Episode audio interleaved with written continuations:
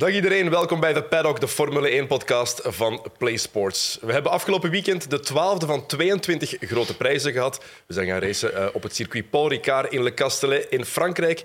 En het was een grote prijs die wel eens heel grote en blijvende gevolgen kan hebben op de WK-strijd dit seizoen. Daar gaan we het over hebben. We gaan ook terugblikken op een paar cruciale momenten, of personen of teams, op dingen die al gebeurd zijn in de eerste seizoenshelft. En daarom zit Sam de Jonge opnieuw bij. Sam, welkom. Hey, je hebt uh, koffiekoeken meegebracht. Ja, het en je hebt een speciaal hemd meegebracht. Dat heb jij goed gezien. Oh, uh, 40 seconden ver, dank u. Uh, koffiekoeken, omdat jullie zo, zo vriendelijk waren, ook uh, de mensen aan de productie, om uh, vroeg af te spreken voor de paddock op te nemen. Want ik kan straks op vakantie, verlof, eindelijk. Dus uh, daarmee ja, een, kleine, een kleinigheidje bij. Dat is heel sympathiek. we zitten hier met de vaste pitcrew eigenlijk. Hè?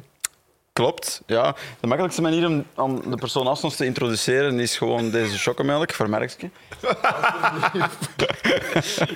voor de mensen die kijken. Uh, Soja chocomelk. ja, dat is zo de mindere vorm, maar die vind ik eigenlijk heel lekker en uh, minder darmklachten. Uh, dus ja, welkom merkje. Niemand beter om de eerste seizoenshelft mee te bespreken, denk ik. Dag Mark goedemorgen. Goedemorgen. Heel mooi wel. Je krijgt, je krijgt koffiekoeken en een soja chocomelkje Eerlijk? om de dag mee te beginnen. Hoe goed past dat samen? Prachtig, hè? Ja, prachtig. Dat denkt aan alles. Hè? Ja, uh, mensen die trouwens enkel luisteren, Sam heeft een, uh, een um, babyblauw hemd aan met daarop... Um, ja, ik, ik, weet zelfs niet wat het zijn. Het zijn een, een soort mislukte postzegels. Een print. een print. Je mag het gerust benoemen wat het is. Mooi. Ja, mooi. Mark, heb jij nog opmerkingen over het ja, hemd van Sam voor we beginnen? Volgens mij heeft het te maken met de nieuwe kalender Formule 1. Er staat de wedstrijd aan te komen in India, denk ik. Sam, ja, ik snap hem niet. Ik word hier volledig in het hemd gezet.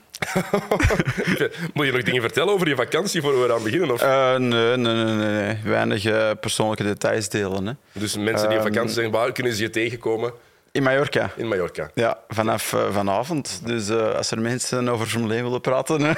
Val Sam alsjeblieft. We spreken af. Mijn vriendin gaat dat zeker niet kwalijk nemen. Echt, ik hoop echt dat je zoveel lastig gevallen gaat worden nu. Echt, hey, Sowieso niet. ik hoop echt van wel. Oké, okay, um, de grote prijs van Frankrijk afgelopen weekend. Um, heeft hij de wereldtitel in een mogelijk beslissende plooi gelegd? Of is het te vroeg om dat te zeggen met nog tien grote prijzen te gaan?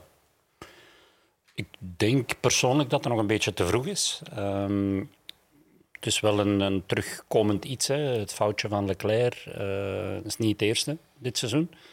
En zo zie je maar, hè, aan de top staan met een wagen die competitief is, is één ding. Maar je moet het natuurlijk allemaal kunnen volhouden.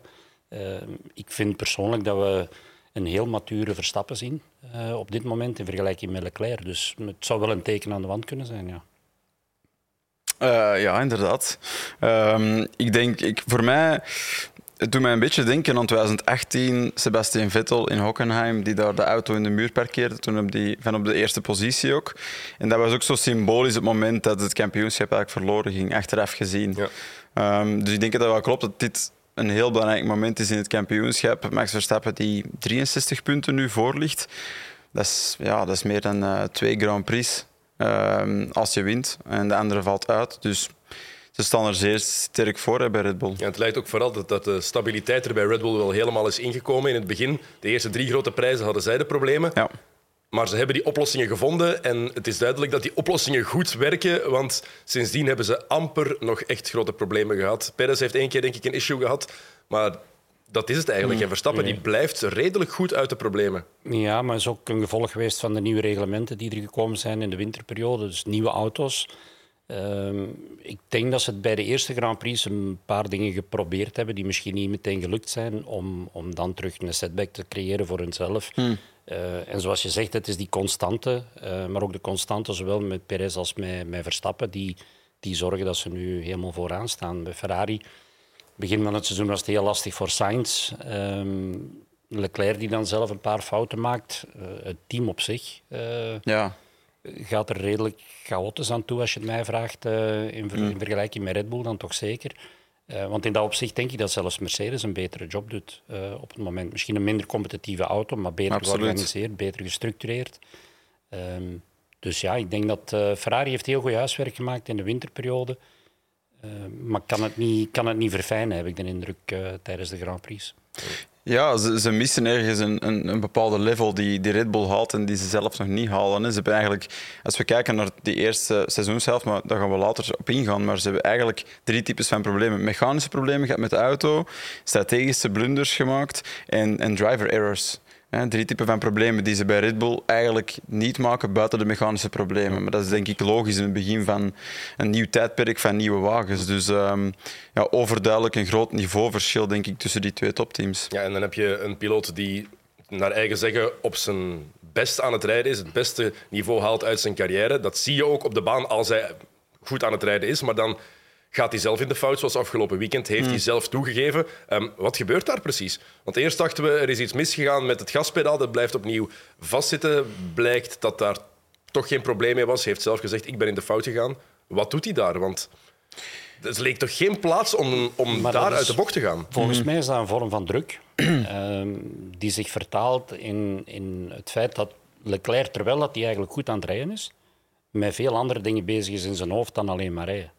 En, en dat zou je moeten kunnen overlaten aan andere mensen. Maar, maar goed, als het team zelf al chaotisch eraan toe gaat, dan probeer je natuurlijk zelf een stuk van dat op, op jezelf te nemen. En ja, ik denk dat dat ja, een heel klein tikkeltje concentratieverlies is voldoende om, om een fout te maken zoals gisteren. Ja, is het dan te vroeg op het gas gaan staan, net is te, te hard gaan in die bocht? Want wat dat moment daar zelf, ja. ik denk niet dat een van ons verwacht had dat hij daar in de fout ging gaan. Het is, het is soms heel moeilijk te spotten hoe hard op de limiet dat zo'n wagen zit. Tenzij dat je de onboardbeelden hebt. Dan zie je iets meer van hoe het stuur reageert en hoeveel gewicht het er van het stuur komt net voordat die auto begint, begint te spinnen. Um, maar wat we wel zagen is dat was eigenlijk de sterkste bocht van Ferrari. Die gingen daar tussen de 15 en 18 km per uur rapper dan Red Bull heel het weekend. Dus een extreem voordeel daar. En natuurlijk, als je rapper kan, probeer je misschien nog iets meer de limiet op te zoeken. En misschien nog iets meer voordeel uit die bocht te halen. We zagen ook telkens in de rondetijden, als we tussen Max, ook de voorsprong van Leclerc uh, op Max Verstappen, die laatste sector won die altijd terug veel. En dat was een stuk in die bocht. Um, maar wat we ook zagen in quali, was toen dat Sainz heel laat aan de kant ging, zagen we dat eigenlijk de Ferraris nooit die binnenkant pakten van die bocht. Die altijd breed. Wat dan maakt dat je één, meer snelheid kan meepakken, misschien wel initieel, maar ze komen ook altijd breed uit in het midden van die bocht. En ik heb nu die replay nog een aantal keer teruggekeken en ook wat dingen over gelezen. En dan zie je wel dat hij inderdaad met zijn uh, linker achterwiel net op die witte lijn komt aan de buitenkant. En natuurlijk, als je zo op de limiet leunt, kan dat misschien genoeg zijn om dat gripverlies te geven. Ja, en ook, het is een plaats waar ze sterker zijn, waar dat hij ook weet dat hij veel sterker is dan de Red Bull. Daar is het natuurlijk ook net makkelijker om een klein beetje focus te verliezen. Nu, ja, zwaar. Al bij al genomen, moeten we ook eerlijk toegeven, we hebben het gezegd op voorhand, het circuit met de blauwe lijnen, met de rode lijnen, er is zoveel asfalt naast het circuit, dus dat hij nu ook nog die bandenmuur raakt, is ook wel, ja, dat is zo ongelukkig als het maar kan zijn natuurlijk. Ja. Die kan in Paul Ricard aan heel veel grotere snelheden dan dat uh, de auto verliezen bij wijze van spreken de pirouette maken en doorrijden. En dan, dan heb je niks geraakt. En die tegenslag had hij nu wel natuurlijk. Dus. Ja, want hij begon over het gaspedaal daarna, maar dat was ongetwijfeld omdat hij die wagen achteruit wou krijgen. Hè? Want e- echt hard gaat hij niet in die, in die bandenmuur. Nee, helemaal niet. We, we, hebben het niet goed gezien, maar ik denk zelfs dat ophanging niet geraakt was. Het was waarschijnlijk een beetje voorvleugel. Um, het zag er erger uit. Maar um, ze rolden daarna die wagen gewoon achter de barrier en dat leek geen probleem. Um, dus ja, inderdaad, het is, het is, een, heel, het is een heel vreemd voorval. Ja, en een, het kan een iconisch beeld worden dat dit seizoen gaat definiëren. En die schreeuw maakt het dan nog iconischer. Want daar, daarin voel je ook meteen dat Leclerc zelf beseft. En zoals hij zelf ook zei, van ja, als ik zo'n fouten blijf maken, dan hmm. mag ik zelfs geen aanspraak maken op de wereldtitel. Ja, dat klopt. En dat is ook ja, dat eerste moment, hè, die frustratie. Uh, paniek blijft, bijna. Ja, dus bijna paniek inderdaad. En je, je, blijft je natuurlijk ook de vraag stellen, wat is er nu gebeurd? Maar je weet ook dat de kans reëel is dat je zelf in de fout bent gegaan. En dan moet ik wel zeggen, dat siert hem wel. Op dit niveau, om dan te kunnen zeggen van... Sorry jongens, maar dit was de mijne. En, en, dat doen niet alle rijders en dat doen alleen maar grote jongens volgens mij. Ja, zeker de manier waarop ook. Dat uh, straalde heel veel maturiteit uit en heel veel ja, zelfreflectie. Want het is inderdaad gemakkelijk om het altijd ergens op te steken, maar gewoon eerlijk toegeven. Ik maak te veel fouten. Moet je wel ja. redelijk goed voor in de spiegel kunnen kijken. Is dat, maar is dat zijn kracht en ook ergens zijn valkuil? Dat hij te streng voor zichzelf is? Zichzelf aan te hoge standaarden wilt laten voldoen en daarom ook soms in de fout gaat net. Hij zet zichzelf onder zo'n harde druk. Zo'n weekend voor hem, het is niet goed genoeg om de pole te halen en te winnen. Dat winnen moet ook, ook nog eens dominant zijn. Ja. Hè, dat, en, en, je, en ik vind dat je dan ziet dat als je die onboard zag tijdens de race, toen het nog niet was gebeurd, en Max Verstappen reed erachter en wij zeiden toen tegen elkaar, Mark, van kijk hoe mooi dat hij rijdt, hoe proper, hoe dat hij zijn banden kan verzorgen, om het zo te zeggen. En hoe agressief dat die Ferrari ervoor reed, dat, dat Leclerc zo aan het pushen was. Overal zie je die gewoon veel scherper draaien. Dat klopt. Maar langs de andere kant weten we ook dat Leclerc staat er alleen voor tegen die twee Red Bulls. Ja.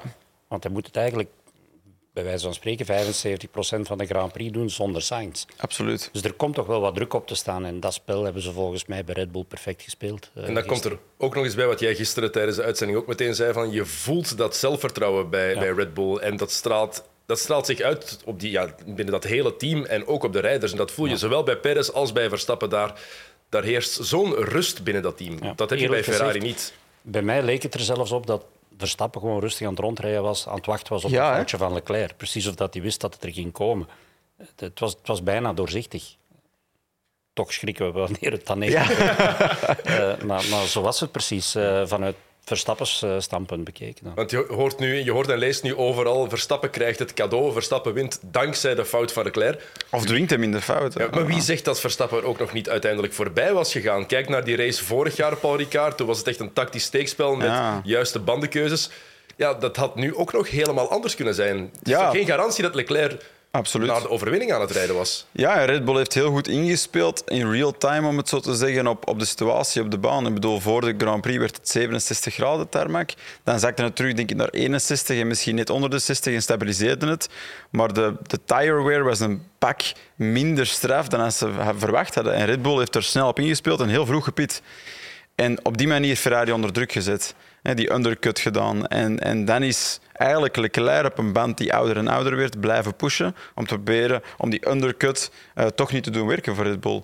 Dus inderdaad, ik vind dat ook. Het is eigenlijk een heel mature, heel slimme manier van Red Bull om een strategie uit te spelen en ervoor te zorgen en het andere team uit te putten eigenlijk. Absoluut. En wat je ook merkt, ehm, is als je kijkt naar Red Bull en ook de voorbije jaren bij Mercedes, als daar tactisch iets doorgegeven werd, was het plan A, plan B, punt. Beslist. Bij Ferrari is het altijd, we gaan naar plan B, wat vind je ervan? Is dat wel verstandig eh, om dat Ja. aan een rijder te vragen die in volle focus is, om dan als, als, als team, als je kijkt naar de andere topteams, die beslissen dat vaak voor hun rijders. Als die het er niet mee eens zijn, zullen ze het wel laten merken. Ja, maar dan kom je op dat stukje team dat het nog niet 100% voor elkaar heeft. En, en ik denk dat ze soms moeten anticiperen op dingen die ze bij Red Bull doen. En dat ze niet zelf overtuigd zijn dat ze de situatie willen lezen via de rijders. Ja. Want dat zijn uiteindelijk degenen die weten hoe het eraan toe gaat op het circuit. Maar of dat nu de juiste, de juiste keuze is, zal dat niet. Hm. Eh, inderdaad, ik ben van mening als je plan A, B, C, D, E uitwerkt op voorhand en, en je kiest ervoor, dan moet je er ook aan vasthouden en dan is die keuze gemaakt. Wat denken jullie? Had Verstappen Leclerc nog, nog ingehaald? Wat voor strijd hadden we gekregen als die eh, niet van de baan was gegaan? Ik denk dat, dat het, is, het, is, het is heel moeilijk om, om, om te voorspellen, omdat Leclerc een heel sterk weekend ook afwerkte. En die, die, die pure van die Ferrari was gewoon heel sterk. Maar natuurlijk, die topsnelheid van die Red Bull was heel goed. Dus als we echt een duel hadden gekregen waarbij er van beide teams maar één wagen is, dan is het iets makkelijker voor Verstappen om er voorbij te gaan. En ik denk inderdaad, we zullen het eigenlijk nooit weten. Maar als we in het begin van die Grand Prix zagen hoe gemakkelijk Verstappen gewoon dat gat controleerde, het was niet dat hij aan het achtervolgen was. Hè. Die, die bleef gewoon zijn banden goed onderhouden en bleef op zijn plek staan. Volgens mij net dezelfde mening. Volgens mij was Red Bull gewoon supersterk gisteren. En ze weten ook nog eens dat er bij Ferrari bij de pitstops ook nog wel eens iets fout gaat. Ja. hè, Wat ze gisteren ook nog maar eens een keer opnieuw bewezen hebben. Ja. En dat zijn foutjes die je niet zo vaak ziet bij teams zoals Mercedes en Red Bull. Nee, want dan heb je die unsafe release ook nog van, eh, van Carlos Sainz, die, Ja. daar, eh, die daar gebeurt. Ehm, dat het kwam allemaal even samen eigenlijk. Dat het, het chaos was er opnieuw bij, eh, bij Ferrari natuurlijk. Wat ik wel mooi vond aan het, hoe ze bij Red Bull reageerden na de race ook, van ja, duidelijk laten merken van ja, we hadden er, het had een mooie race kunnen zijn. Voor mij is dat effectief de definitie van een, een kampioen en een kampioenenploeg die liever gewoon willen winnen op de baan. Die niet willen dat ze een overwinning tussen aanhalingstekens krijgen door het uitvallen van een, eh, van een rivaal. Ik denk dat dat wel inderdaad klopt. Ehm, eh, gisteren zeiden we dat ook. Het is natuurlijk veel meer voldoeninggevend als je kan winnen van, van een hele sterke concurrent, puur op, op merit, op, op on track. Ehm, En niet door externe factoren. Langs de andere kant vind ik Christian Horner altijd redelijk opportunistisch met zijn uitspraken. Uh, stel dat zij waren uitgevallen, had hij waarschijnlijk gezegd: ja, Ferrari heeft het cadeau gekregen. Waarschijnlijk. Dus maar het, is maar hoe je het ziet. Hè? Maar het is eigenlijk de bevestiging van wat jij ook al heel het weekend zei, Mark, van dat het vertrouwen bij Red Bull, van ja, dat had een mooie race kunnen zijn. We hadden ze wel gepakt. Ja, en ik denk nogmaals hè, aan, de, aan het gedrag van, van Max te zien van bij de start van de wedstrijd, want hij had geen goede start. Maar hij deed de deur dicht voor Hamilton, maar ook niet te agressief. Dus ik denk dat hij redelijk zeker was van zijn stuk gisteren. Ja. Ja. Um, gaat Ferrari tactisch in de fout met Carlos Sainz, hoe ze dat aangepakt hebben? Sainz was het duidelijk niet eens met wat zijn team wilde doen tijdens de wedstrijd zelf. Ja, zou ik ook niet zijn in zijn plaats. Hè. Ik bedoel, als je derde rijdt... Uh, van laatste komende, hè? Laatste komende. Je gaat voor strategie D, ja. dat ze het noemden tijdens de wedstrijd. uh, kijk, je rijdt dan helemaal naar voren, je bent derde. Uh, natuurlijk, als je dan de calculatie maakt van ik verlies op het einde door de performance van mijn banden en ik zak 15 seconden weg, ja, dan kom je op dezelfde plek uit dan waar je nu bent. Dus ja, waarom niet gokken op die derde plek proberen te halen dan? Dus ik, ik zou ja, content zijn, moest ik Sainz zijn uh, als die beslissing voor mij dan... Dat is dan wel eentje die ze wel zelf gemaakt hebben. Ja, ja, dat is waar, inderdaad. En die zijn nog opinie gebruikt hebben. Dus, uh, dat is inderdaad ook, ook nog een inconsistentie erbij, ja, inderdaad. Ja, daarom. Het is, dat bewijst het eigenlijk. weten ze het niet. En dan gaan ze hem in, één keer wel pakken op... Uh, ze vragen niet eens van hoe voelen de banden aan. Nee, nee. Pure maar data. gewoon de beslissing. Ja, dat is inderdaad heel makkelijk dat ze het daardoor wel doen. Want Sainz was wel sterk, vond ik. Ja, was heel sterk. Hè. Driver of the day uiteindelijk ook geworden. En terecht. Hè. Ik bedoel, zeker op Paul Ricard, uh, van zover komen, niet gemakkelijk. En een aantal echt gewaagde moves. Langs de buitenkant uh, gewoon heel zuiver, juist gereden, geattaqueerd. En, en, en zoals Mark ook zegt, is oh, zo frustrerend als je dan in die derde positie bent en je weet, het is nog maar tien ronden. Waarom zou je dat afgeven? Hè? En uiteindelijk, achteraf bekeken, dat gevecht met Russell en Perez waardoor het tempo hard zakte, had het misschien toch gelukt voor Sainz om met die band tot het einde te geraken. Dus hij verdedigde wel het team hè, achteraf van ja, ik, zij zullen de juiste beslissing hebben genomen. Ze hebben veel meer data, ze hebben een veel beter zicht op de situatie. Dat was nobel van hem, maar ik weet niet of hij hetzelfde geloofde nog. Dus, uh, ja. Slim aangepakt om het niet in de pers te gaan zeggen, denk ik. Slim. Hou, het maar intern. Ja, zeker op een dag dat, dat je teamgenoot vanuit een leidende positie uitvalt. En fouten maakt. Ja, ja absoluut. um, De twee Mercedes'en dan. We hebben nog eens twee Mercedes op het podium gekregen. Dat was de eerste keer sinds Saudi-Arabië vorig jaar. Uh, toen met Hamilton en, en, Bottas. En ja, het meest indrukwekkende van wat Mercedes heeft laten zien was de start van Lewis Hamilton. By far de beste start van alle twintig rijders. Ja, absoluut. Die kwam gewoon zo goed weg. Um, van op de propere kant. Tegenwoordig is er niet meer superveel verschil, lijkt het. Uh, kwam, ja, kwam heel goed weg. Kon daar niet echt veel meer doen dan die, dan die heeft gedaan. Had op zich de snelheid om misschien voorbij Verstappen nog te geraken. Maar ja, die eerste bocht is eigenlijk een, een hele snelle. Dus hij had die sowieso langs de binnenkant krapper moeten, moeten, ja, moeten nemen. Verstappen zat langs de buitenkant. We kennen Max Verstappen ook. Die laat niet echt... Uh, of die sluit het gat nogal snel. Um, dus heeft hij gewoon heel slim gespeeld en heeft ergens de basis gelegd voor de, race, uh, voor de rest van zijn race, denk ik. Ja, we hebben hem niet veel meer gezien eigenlijk. Hè? daarna, die start was indrukwekkend en daarna was het een beetje een anonieme race voor Hamilton. wat niet negatief is natuurlijk. Nee, dat is absoluut niet negatief. Want als je Russell ook, hè, we hebben heel de dag van Russell weinig gezien totdat hij over de boordradio begon te reclameren op het gedrag van Perez. Uh, maar ik bedoel, na, na rondetijden hebben we er weinig spectaculairs van gezien, maar wel een heel consistente wedstrijd. En dan moet ik toch wel zeggen, Hamilton heeft dit jaar al een paar keren dat resultaat neergezet. En Russell gisteren samen met hem. Dus ja, inderdaad, twee auto's op podium. Mits de hulp van andere strategies van, mm. uh, van Ferrari. Uh, enerzijds bij Sainz en dan de fout van Leclerc. Ja. Uh, maar ik vind dat ze, gezien de minder competitieve auto die ze hebben sinds het begin van het seizoen, vind ik dat zij heel grote sprongen voorwaarts hebben gemaakt.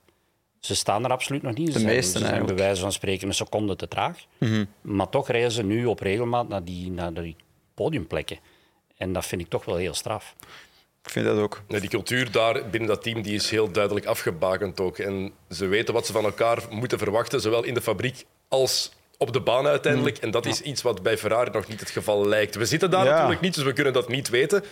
Maar zo komt het wel over dat ze bij Mercedes, ook al is die wagen trager, weten daar willen we naartoe. Het is nog altijd een winnend team. Ja. Ze hebben gewoon nu geen winnende auto. Maar je ziet inderdaad dat de hele organisatie erachter en op strategisch vlak dat het allemaal on point is. Dat die jarenlang op het hoogste niveau hebben gestreden. Je merkt dat gewoon in alles.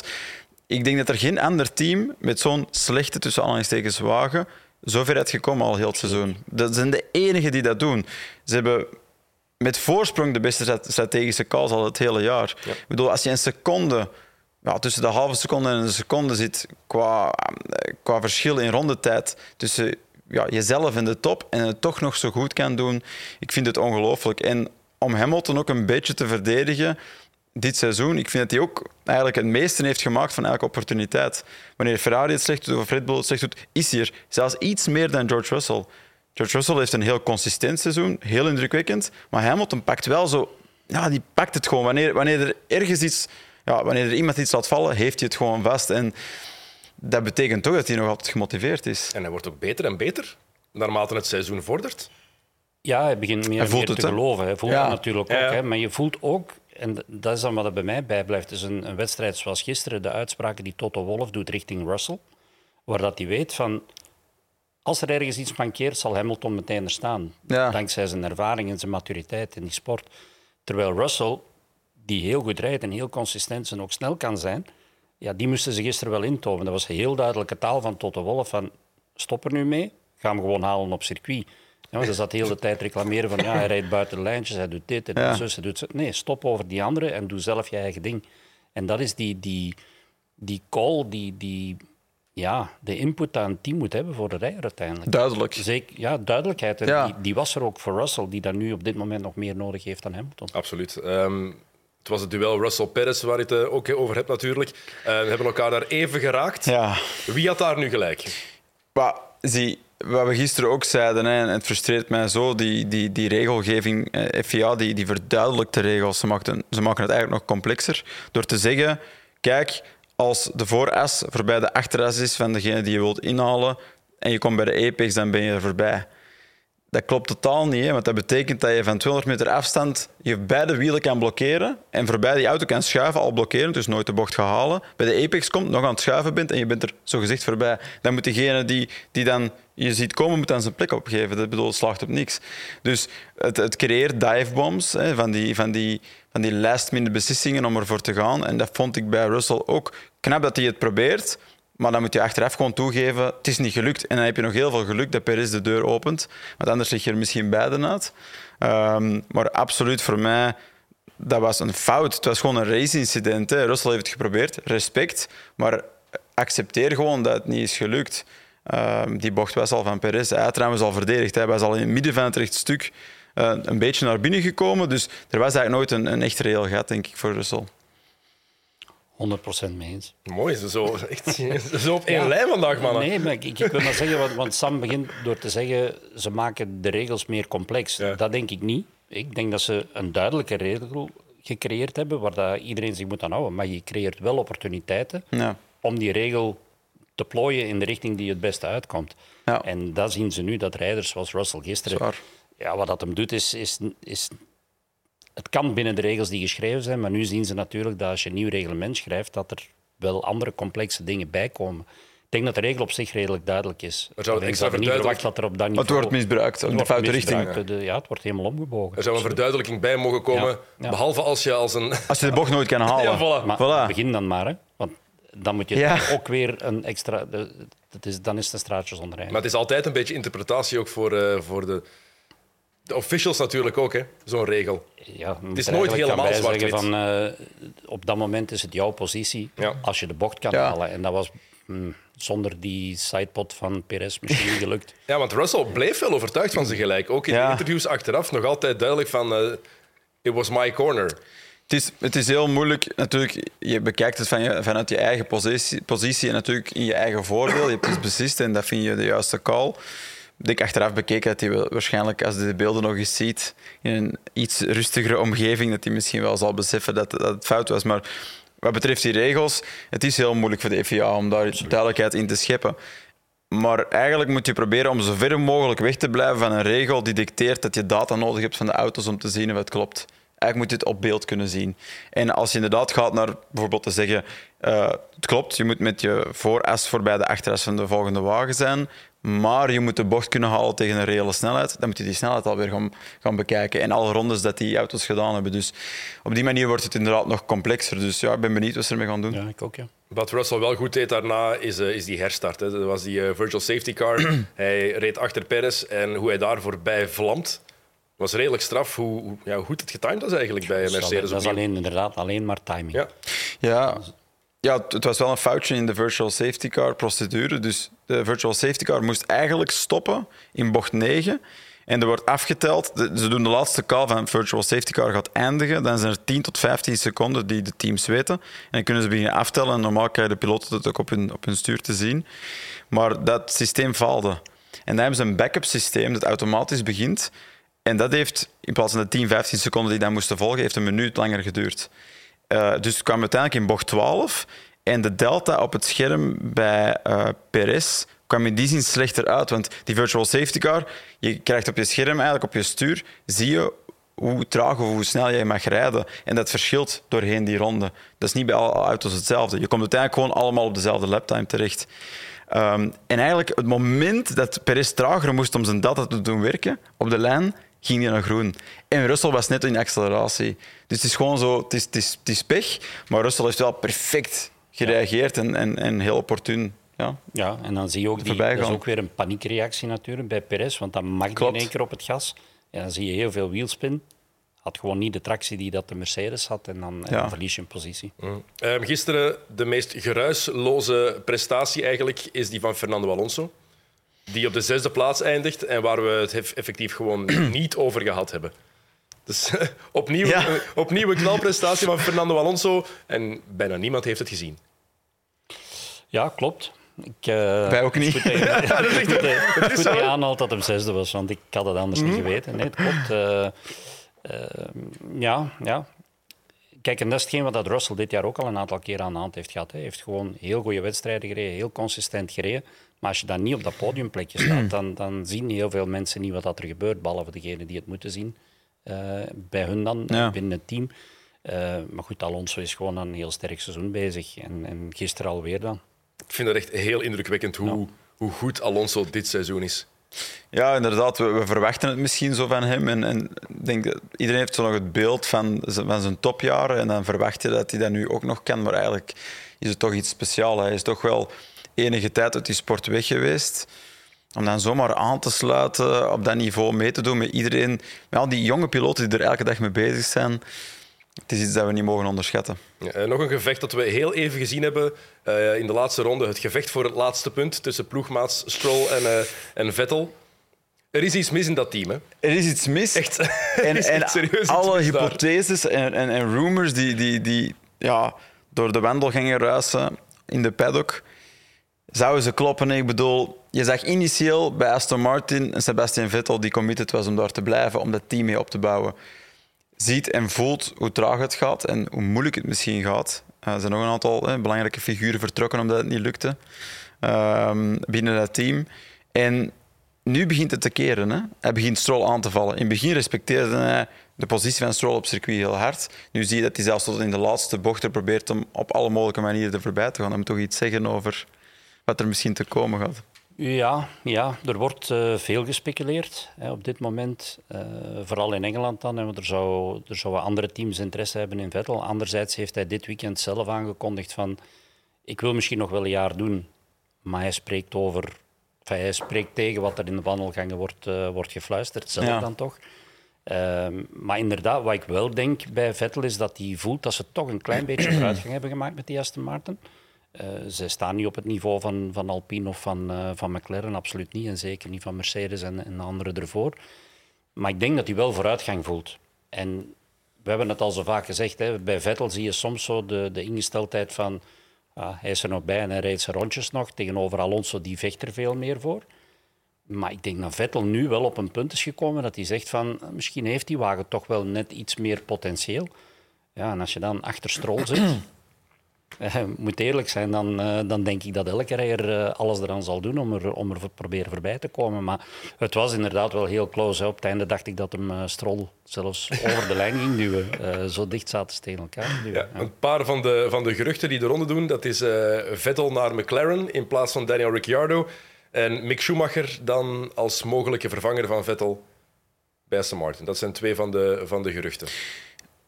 Het eerste gerucht, maar ze zijn eigenlijk allebei wel een beetje vreemd als je erover nadenkt. Uh, McLaren zit natuurlijk in een slechte vorm, uh, momenteel. Maar op zich, de trend die in dat team de afgelopen jaren was toch heel ambitieus.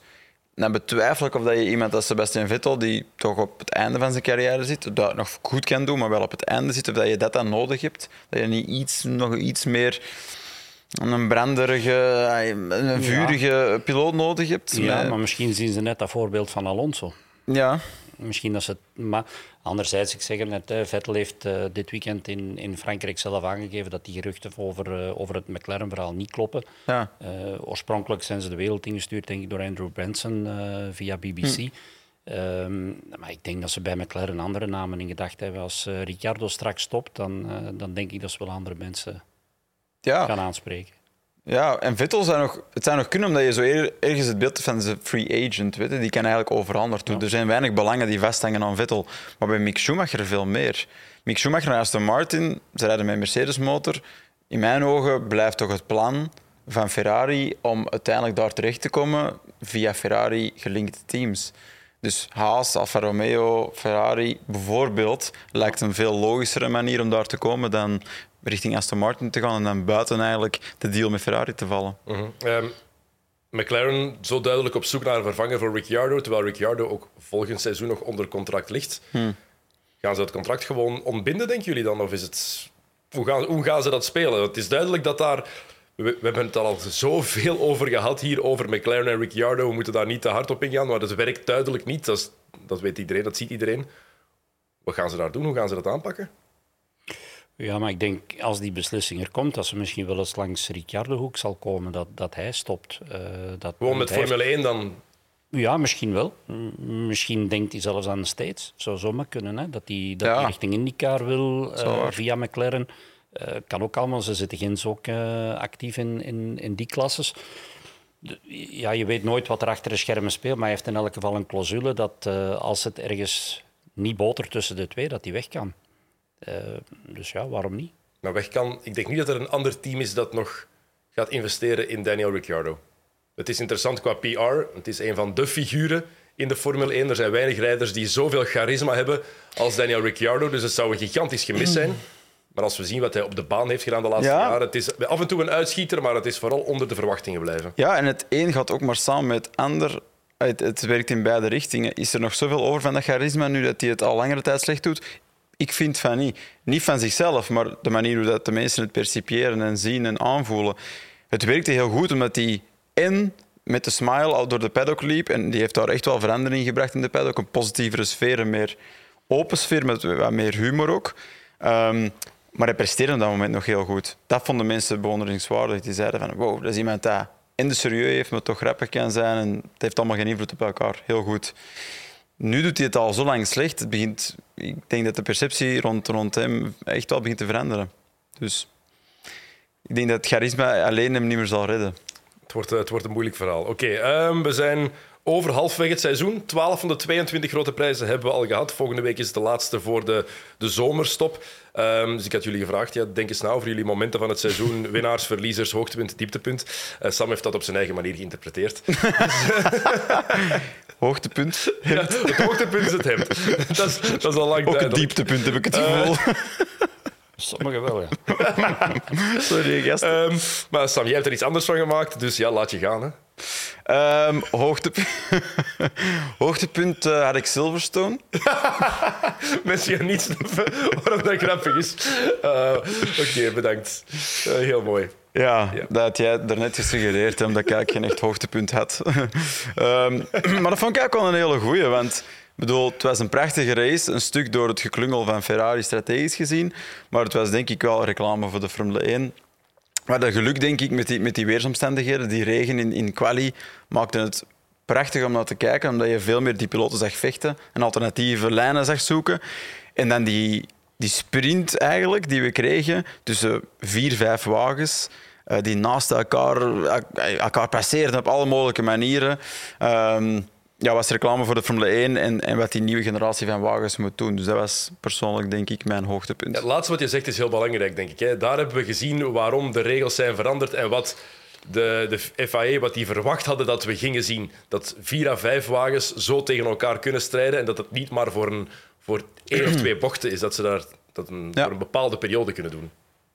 Dat was absoluut zo. hè. Ik bedoel, als je die wedstrijd ziet, de, de gevechten die er waren, de plekken waar voorbij gestoken werd, eh, zelfs buitenom gaan in Cops Corner, ja, dat zijn dingen die, je- die je niet meteen verwacht, eh, zeker niet aan die snelheden. Eh, maar als je mij vraagt naar mijn hoogtepunt, dan blijf ik ook in Silverstone, maar dan is voor mij de Halo. Eh, is volgens mij het hoogtepunt van het seizoen in Silverstone, wat er gebeurd is met, eh met Zoe eerst en vooral Ja. toen dat hij over die bandenmuur ging. Ehm, ja, dat ding, er is, zoveel, er is zoveel over te doen geweest een aantal jaren geleden. En nu bewijst het wel absoluut zijn resultaat te brengen. Vooral ook in de Formule 2. Zelfde Ja, weekend in nog Silverstone. meer. Eh, was volgens mij nog veel duidelijker.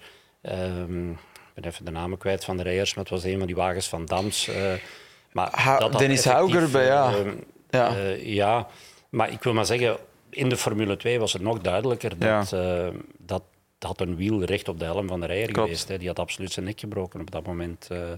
dus naar veiligheid toe eh, moeten we toch wel zeggen dat er, eh, dat er heel sterk aan gewerkt wordt. Hè. Er is de, de vooruitgang in de auto's, vooral naar reglementen toe, van wat als ze kunnen, naar performantie toe, meer actie op de baan. Maar de veiligheid mogen we toch ook niet vergeten. Het is een Hauger en eh Nissani. Nissani. Die, eh, die, Nissani. twee, die twee waren het. eh. En vooral ja, als je dan ook kijkt, want het is, het is ergens een dieptepunt omdat het zo'n enge crash was, maar het hoogtepunt omdat het inderdaad bewijst nog eens hoe veilig die wagens zijn geworden.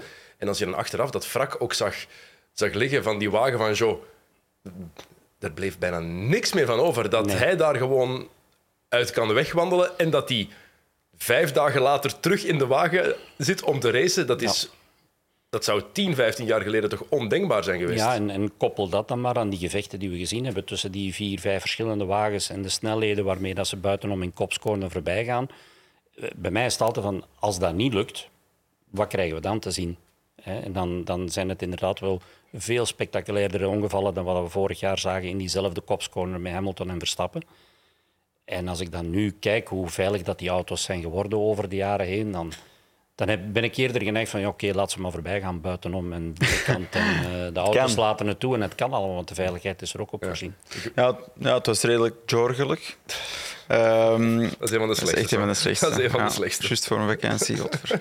Ehm, nee, maar, maar wat was jouw initiële reactie toen ze de Halo introduceerden? Dat vind ik interessant. Want was, je, was je positief, negatief? Ik ben positief over het feit dat ze, dat ze dingen brengen. En er zat ook een logica achter wat, wat die Halo moest doen. Ehm, en dat brengen ze niet zomaar. Er is heel wat research gedaan voor alleen. Wat dat bij mij als rijder, dan denk je van, ja oké, naar visibiliteit toe, vanuit de auto. Ja. Dat ding staat gewoon in de weg. Alles wat daar voor jou staat, is in, in het zicht van een rijder, is, is gewoon... Ja, dat is, dat is eigenlijk een ramp voor de rijder. Hè. Als er ergens iets... eh, Ja, klopt. eh, Pak maar in een GT-auto of in, eh, in een Porsche waar je mee rijdt, Sam. als die ruitenwisser niet recht in het midden staat, Ja. maar staat in jouw zichtveld, Klopt. dan heb je ruzie met. Ja, dat is absoluut zo. En hier zetten ze in de Formule 1 op Hmm. dat niveau in één keer pal recht in het midden voor de rijder iets neer. Ehm, dus het, is, het, het vraagt een aanpassing. Hè. Het, het vraagt gewenning. Ja. Eh, maar in functie van de veiligheid, eh, kijk maar naar IndyCar, hoe dat die auto's eh, veranderd zijn de voorbije jaren. Dan, eh, Ja. die, zitten, die zitten quasi helemaal in een cockpit, hè, net zoals de prototypes. Ehm, hebben we vorige week ook besproken, denk ik hier. ehm, dat, ja, hij, zat er zelf twee weken geleden. Hij zat heel snel weer in die wagen gewoon. Zo.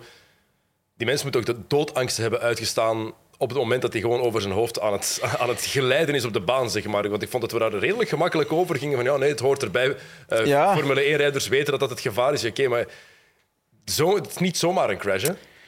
Nee, eh, natuurlijk. tijd staat ook even stil, denk ik toch, als het gebeurt op zo'n moment. Ik denk dat het misschien wel klopt. Langs de andere kant gaat het nog altijd wel erg snel. Als je het in, in echte snelheid zag gebeuren, was het een heel snelle crash. Ik denk dat initieel dat hij niet echt zich zorgen maakte, omdat je weet van die rollhoop is daar om je te beschermen. Je hebt dan nog eens een halo, je zit echt wel strak in die auto vast, dus allemaal veilig.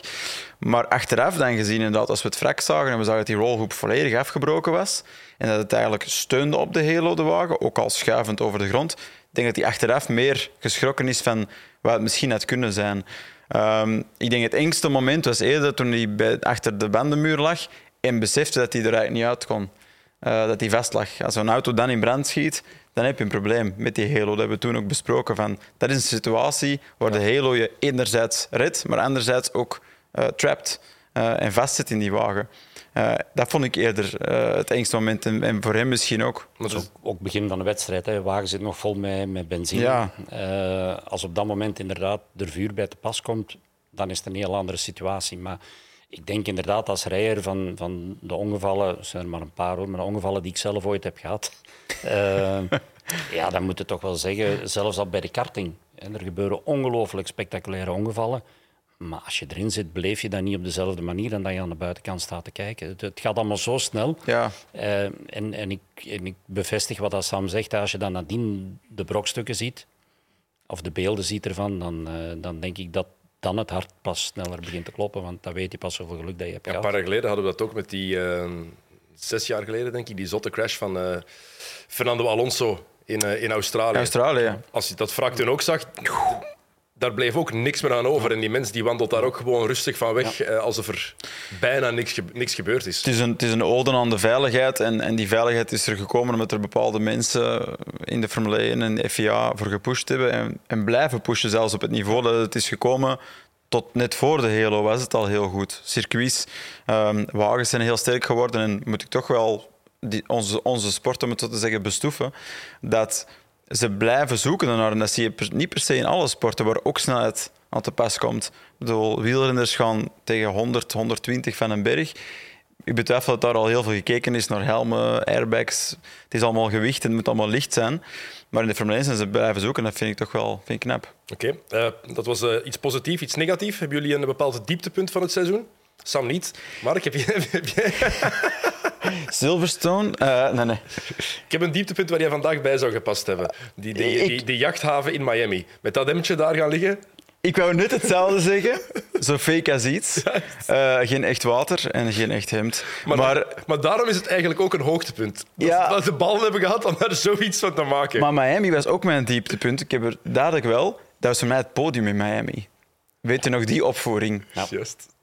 Echt, die jongens met die helmen van... Uh, de Dolphins. Oh, jongens, dat vond ik zo gemaakt en, en zo Amerikaans en zo onhandig Amerikaans. Ik bedoel, als je naar IndyCar kijkt en, die, en je ziet die, die podium celebrations, dat past daarbij. Mensen kennen dat in dat format. Maar voor Formule 1 is die manier van het doen zo nieuw en zo ongemakkelijk. Dat zo de overgang naar we gaan racen in Amerika en we gaan meer racen in Amerika ze moeten zien dat die identiteit van de Formule 1 sterk genoeg blijft. Want hier zaten we allemaal zo cringe.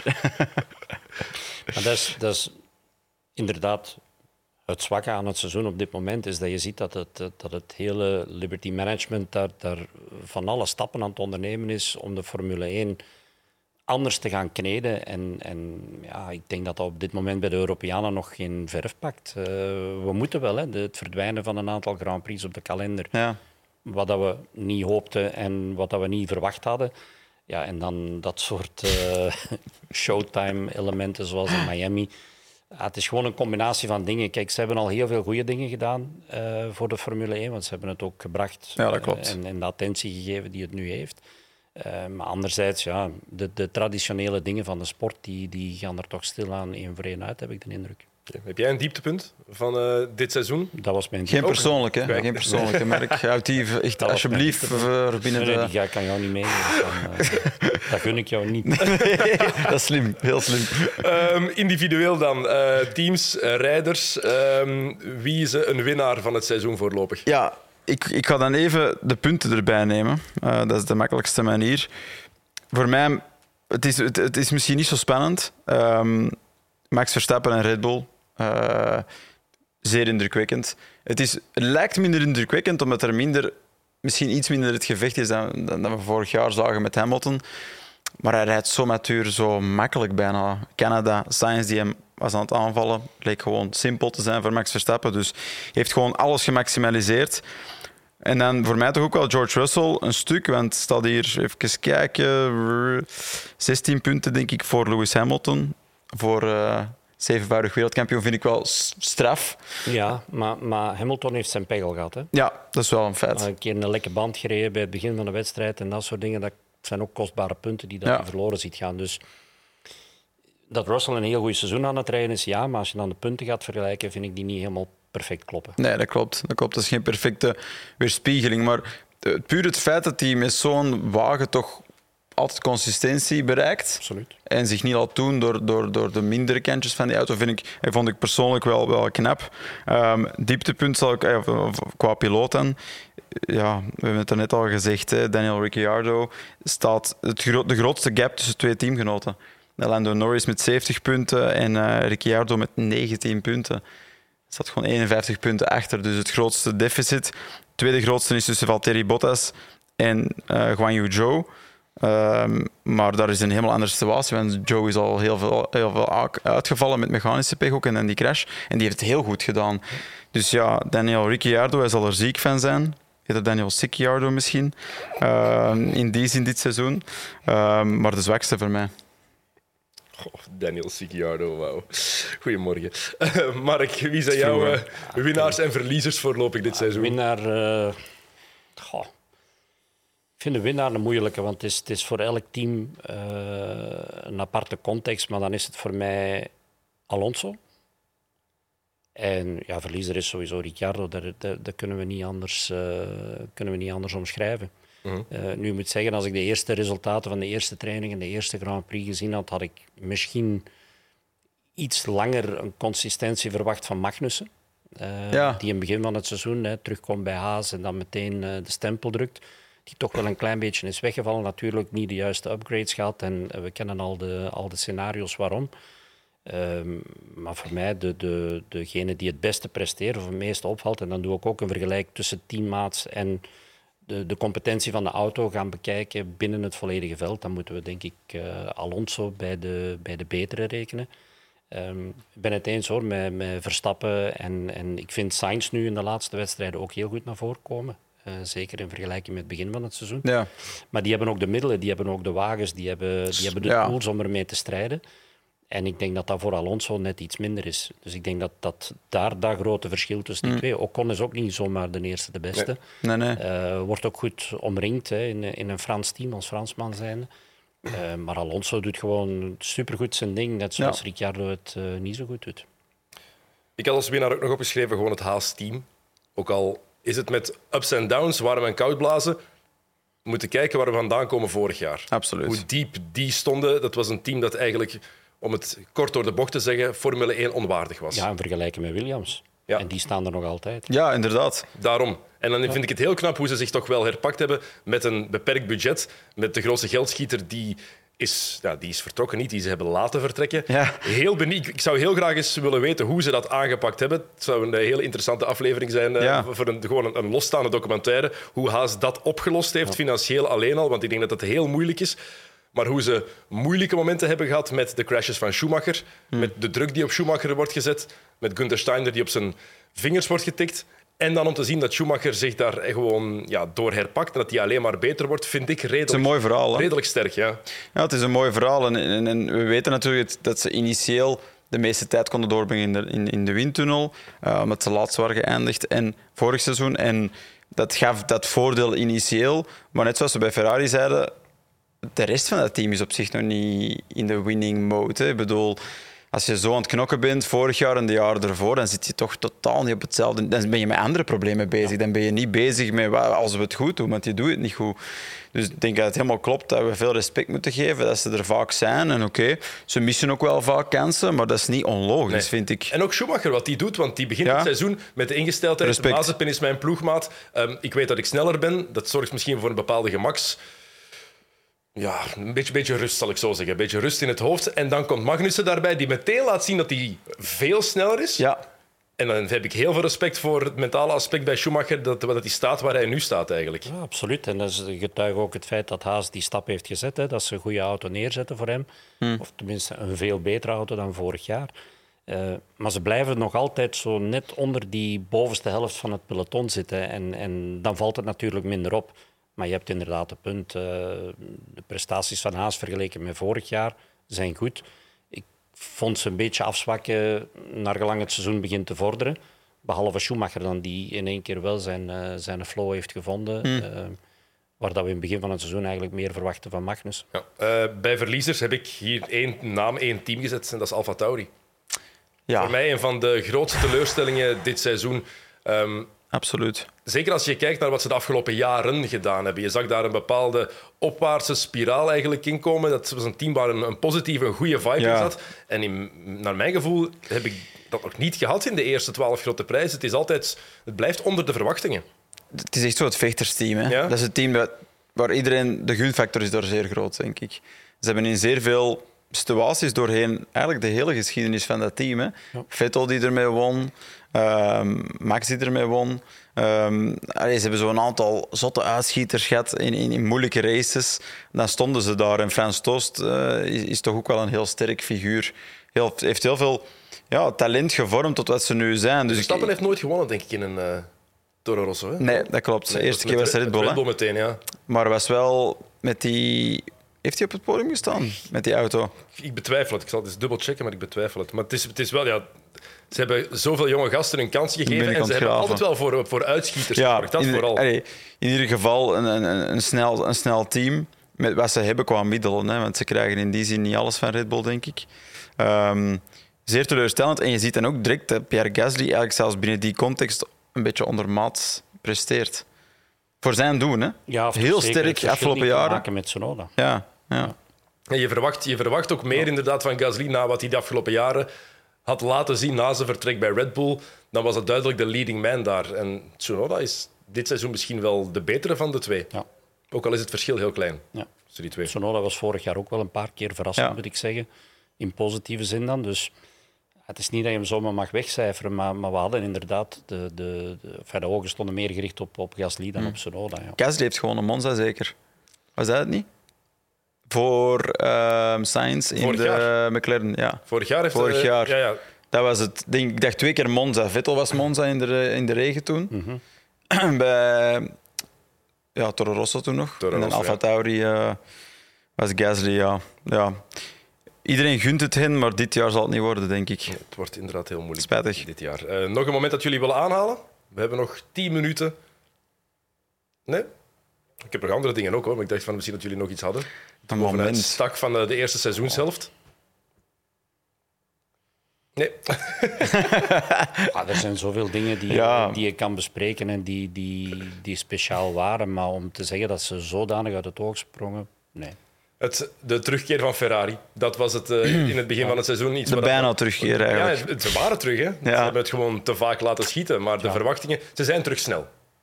Dat kunnen hebben we een wel- snelle wagen. dat- Klopt, dat klopt, maar, maar daarom dat ik zeg, er zijn ook de Mercedes'en die het niet goed doen. Als je Ja. ziet van waar dat die komen, die hebben zoveel jaren aan de top gestaan en die in één keer ja, letterlijk een seconde per ronde tekort komen tegenover onder andere Ferrari, die ervoor er niet waren. Dus McLaren vind ik ook niet fout. eh, we moeten het doen met één rijder. ja, dat is gewoon... Ander is Ja, dat ziek, ziek, hè. Het is, erg dat je het zo moet zeggen, maar de, de, ontwikkeling, de ontwikkeling van de auto bij McLaren wordt helemaal gedragen door, door, door Absoluut, één man. Hè? ja. En dan moet je natuurlijk gaan vragen, heeft een Colton Herta, die, die aangeduid wordt als mee ontwikkelingsrijder is en zit in IndyCar in het team van Andretti, Hmm. komt naar hier om testwerk te doen, heeft nog niet veel getest, simulatorwerk, maar, maar op de baan van hun vaste piloten hebben ze, hebben ze weinig op dit moment, denk ik dan aan Ricciardo, want dat weet je niet. Hè? Het is niet omdat zijn resultaten niet goed zijn, dat hij niet geen helpt. inbreng heeft in, in de ontwikkeling. Nee, maar, maar- het lijkt niet zo. Nee, en er was sowieso te veel energie naar de slechte resultaten dat hij doet. Ja.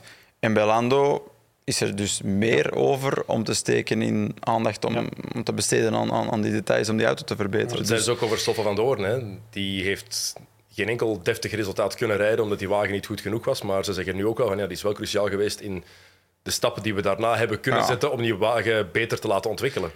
Stoffel was en is nog altijd extreem snel. En uiteindelijk moet je met zo'n auto extreem snel rijden om te zien wat er mis mee is. Daar heeft hij absoluut in geholpen. En in die zin, het is een tijdperk van McLaren, het slechtste tijdperk uit hun geschiedenis, dat we in de verste verte, zelfs met Ricciardo, zijn resultaten niet kunnen vergelijken met nu. Ze staan zoveel verder, de organisatie erachter en, en, en wie dat nu leidt. Dus nee, Stoffel heeft spijtig genoeg echt pech gehad met die periode. Dat is echt waard. Dan hebben we eindelijk een Vlaming in de Formule 1. Ja. Rijdt hij daar twee volledige seizoenen. Ja, kijk naar Formule E. Ik bedoel, doet hij het nog altijd. Hij is WK-leider. Heel erg goed. Hij leidt het WK nog. heeft hij eigenlijk overal gedaan, overal waar hij heeft gereden. Dus ik bedoel, ik denk dat niemand... Er is heel veel slechts over geschreven. Had hij zichzelf meer kunnen verkopen, marketieren? Waarschijnlijk wel, maar hij zit zo niet helemaal in elkaar, denk ik. Dat is iets. Uh, wat in Formule 1 ook belangrijk is. Hè? Zeker. Uh, en dan zit je naast een Alonso die gigantisch charismatisch is. Maar als we puur naar het rijden kijken, is die uitstekend. Um, even van vier naar twee willen snel vermelden um, dat we nog een WK-leider hebben. Niet alleen Stoffel van Doorn en Jago Geerts, die uh, de grote prijs van Vlaanderen in Lommel heeft gewonnen. Liam Evers, die ook knap zevende wordt. Um, de motocross, hebben die ook een boost nodig om terug ja, een populariteit te winnen in, on, in ons land? Want we waren het toonaangevende land. Hè. Niet alleen met Stefan Evers en Joel Smets, maar ook decennia daarvoor. Het is niet iets wat ineens, waar we tien jaar goed in zijn geweest. We waren een motocrossland en dat is nu al 15 jaar. Veel minder. Ik denk de laatste wereldkampioen was Steve Ramon, denk ik. Ja, maar ze hebben een boost nodig. Ja. Ik denk dat, dat heel vaak de basis van de begeleiding van die, van die rijders uh, ervoor zorgt. We zeiden het gisteren ook al tijdens de uitzending. Uh, een aantal circuits in België zijn gesloten, ook voor de, voor de motocross, door geluidsoverlast en dat soort dingen. Zij moeten uitwijken naar Nederland of naar andere buurlanden om hun trainingen te gaan doen. Is niet meer hetzelfde zoals vroeger. Um, dat, heeft, dat hangt allemaal aan elkaar vast. Hè. Als, als, je kijkt naar de resultaten en, en de impact dat dat heeft, kijk naar Formule 1 in Nederland. Ja. Uh, had Stoffel het inderdaad goed gedaan, hadden we misschien dezelfde de impact gehad in België. Kijk naar tennis. Ja. Van het moment dat uh, onze dames, hè, Kleisters en uh, zelfs Sabine Appelmans, hè, we, we, hebben zoveel talent gehad in België die aan de top stonden en er was er in één keer veel meer aandacht. Mm. En dan, en dan zie je er meer van. En dat is nu op dit moment net iets minder. En interesse ook, talent... Positief momentum. Ja, maar het is, het is die, die interesse en de media-impact en, en alles wat dat er rond Maar ik bedoel ook, bij, bij jeugd bedoel ik ook, kijk naar, ja, kijk naar het hockey. Absoluut. De Red Lions hebben het fantastisch absoluut. gedaan sinds 2008. En meer mensen gaan hockeyen. Nu we hebben de, de Belgian Cats in het basketbal, mm. de, de Three Extreme mannen die het heel goed doen. En daardoor willen, blijkbaar zijn de inschrijvingen, lukt het niet meer. Zijn alle basketbalclubs helemaal vol. Dus dat, dat werkt wel natuurlijk. Maar is de gelijkenis niet tussen al die feiten dat je nu zegt, dat het een project was, vanaf het begin met een duidelijk doel, een plan, de, om hockey op de kaart te zetten? Hockey, basketbal, in basketbal was het niet echt een, eh, een, eh, een plan. Als je kijkt naar het 3x3-verhaal, ja. dat hebben ze zelf gedaan. Dat was ja. geen plan vanuit de federatie. Of Bij hockey zeiden ze, we gaan die sport op de kaart hockey, zetten. Absoluut. En ze hebben dat zo slim uitgedacht, Heel slim gedaan. sexy gemaakt. En, en het is ook interessant om naar te kijken. En, en, en ze hebben ook mediatraining gegeven aan die gasten. Die, die zijn ook wel bespraakt. Veel van hen hebben, zijn eh, afgestudeerd, zijn gediplomeerd. Dus het zijn interessante kerels om naar te luisteren. Ook ze hebben iets te vertellen. En dat is toch wel belangrijk dat inderdaad die basis wordt geleverd in die sport. En ik, ik, ken veel te weinig van motocross om er iets over te zeggen, maar misschien mankeert het daar wel. Ik vond wel iets heel opvallends. Uh, Liam Everts had het gezegd in een reportage op Sportweekend. In Sportweekend, denk ik. Die zei van ja, we moeten dan binnenkort gaan, gaan rijden voor ons land in de motocross der naties.